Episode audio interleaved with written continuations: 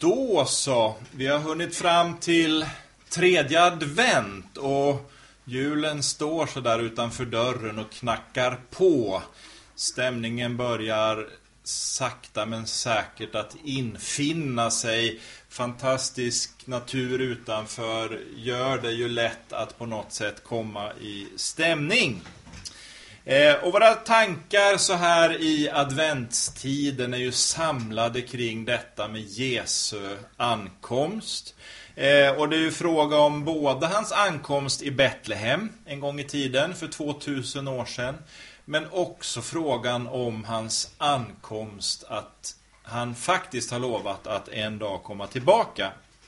Och har du Bibeln med dig får du gärna slå upp Lukas evangeliet, det tredje kapitlet som kommer att vara utgångspunkten idag. Jag kommer också att ha texten på skärmen här om du vill följa med. Eh, och jag läser som ofta ur Bo Gerts översättning. Lukas 3 från den första versen. Det var det femtonde året av kejsar Tiberius regering. Pontius Pilatus var guvernör över Judeen. Herodes satt som landsfurst i Galileen och hans bror Filippus i Itureen och Trakonitislandet medan Lysanias styrde över Abilene och Hannas var överstepräst jämte Kajafas. Då kom Guds befallning till Johannes, Sakarias son i öknen.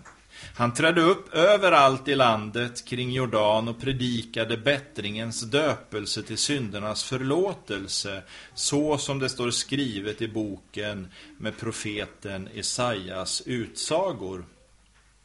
En röst hörs ropa i öknen. Röj väg för Herren, gör stigarna jämna för honom.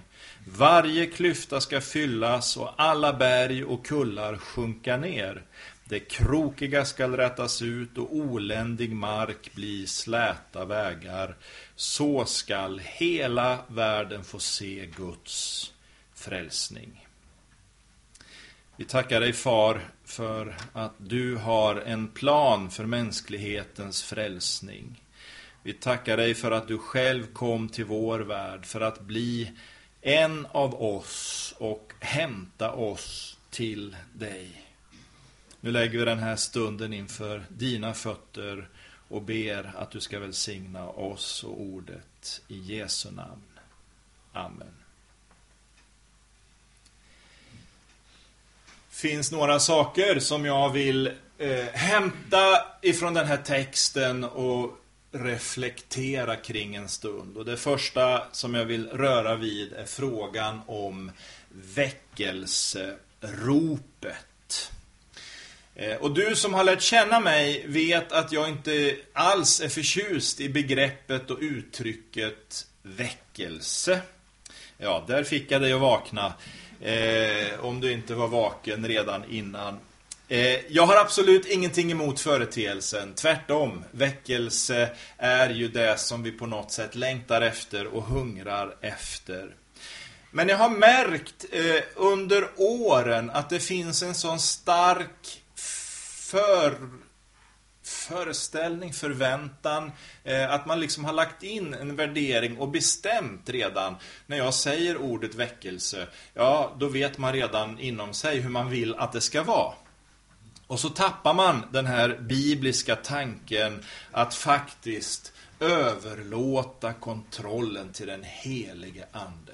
Vi kan aldrig styra ett väckelseskeende. Och jag tror att det är därför väckelserna också rinner ut i sanden. För människorna tar kontrollen ifrån Gud. Så egentligen tycker jag det är bättre att tala om andligt genombrott kanske. Eh, och med tiden lär vi väl lägga in våra värderingar i det. Så man, ja, ni vet hur vi människor är. Men i alla fall, eh, väckelsen den ser ut på olika sätt, på olika platser och i olika tider. Eh, men trots det finns det en del bärande pelare och oföränderliga tankar. Och när vi nu läser om Johannes döparen så finner vi en av dessa pelare. Johannes döparen är som någon slags länk mellan gamla och nya förbundet.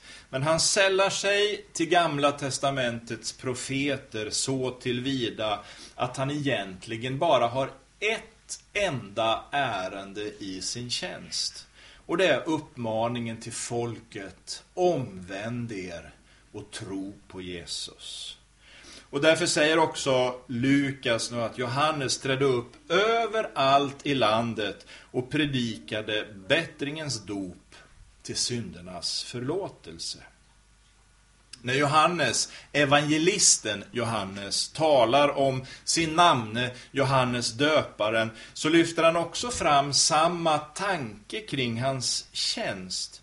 När Johannes döparen ser Jesus komma så ropar han ju ut Se Guds lam som tar bort världens synd.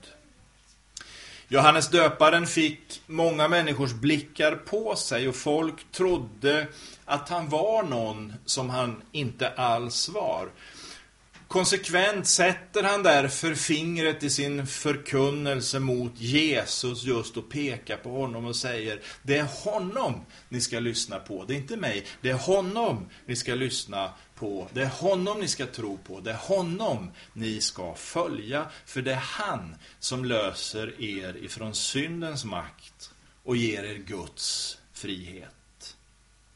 Så väckelseropet, det proklamerar omvändelsens nödvändighet. Och för att beskriva det så brukar jag ibland använda den här lilla bilden som jag fick av någon som jag har glömt. Men någon sa till mig, endast den som simmar mot strömmen kommer till källan.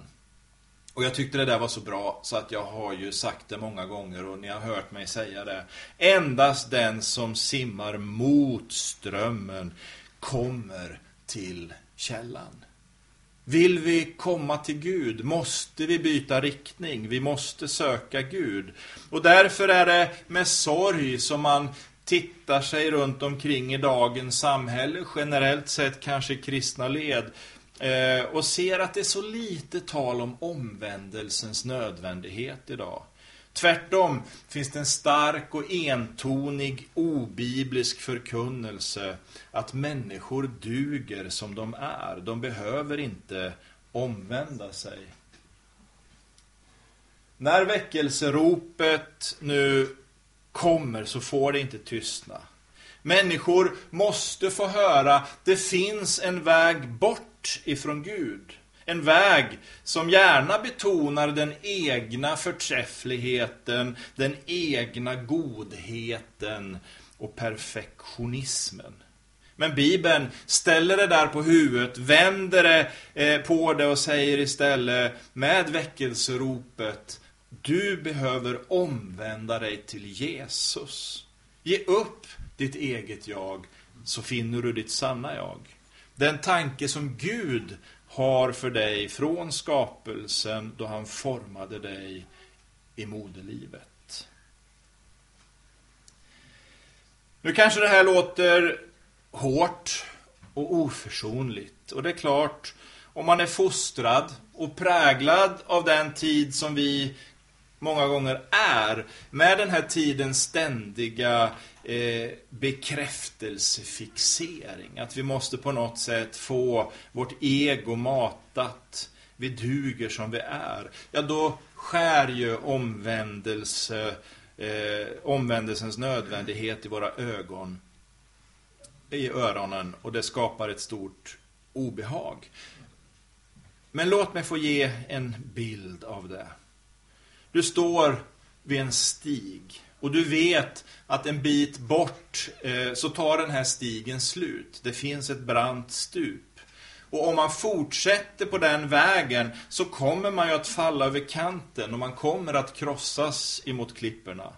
Och då undrar jag, vad är det som är mest kärleksfullt och omtänksamt?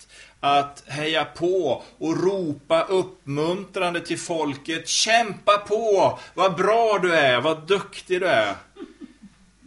Och så vet man att de är på väg mot en säker död.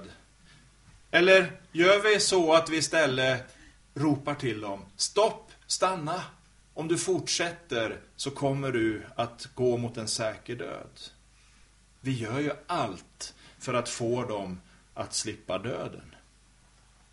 Så jag tänker, är det kärleksfullt eller kärlekslöst att ropa till människor om omvändelsens nödvändighet? Att likt Johannes döparen vara rösten som ropar och banar väg för Jesus. Och då kommer vi till väckelseundret som är den fantastiska verkligheten att det var ju någon som tog straffet på sig i mitt ställe. Vi talar om nådens evangelium. Gud är helig, Gud är rättfärdig och han kan omöjligt dela gemenskapen med oss syndare. Och i grunden är vi ju alla det, för vi är alla barn till Adam. Vi behöver vara medvetna om det och inte gömma oss bakom någon lögn. Men vi behöver också förstå behovet av att identifiera synden för att förstå nådens storhet och omvändelsens konsekvenser. Guds nåd är nämligen att syndare erbjuds ett nytt liv av fri, generös kärlek från Gud. Och advent betyder ankomst och vi påminns på ett särskilt sätt den här tiden på året hur Gud själv i Jesus kom till vår värld. Hans generösa plan är ju att komma hit för att ta itu med den makt som håller oss borta ifrån Gud. Genom att bli som en av oss dömde Gud synden i Jesus. För han klarade det liv som du och jag aldrig klarar. Och det är det stora väckelseundret. Jag kan inte förtjäna Guds kärlek. Den står där mot mig oavsett mitt liv. Jag kan inte arbeta mig till frälsningen och friheten. Det är en Guds gåva som han ger oss i sin generositet.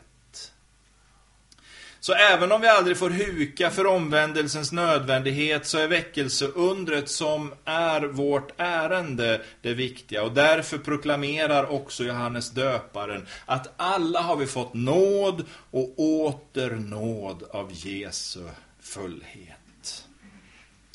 Och så till sist väckelselivet.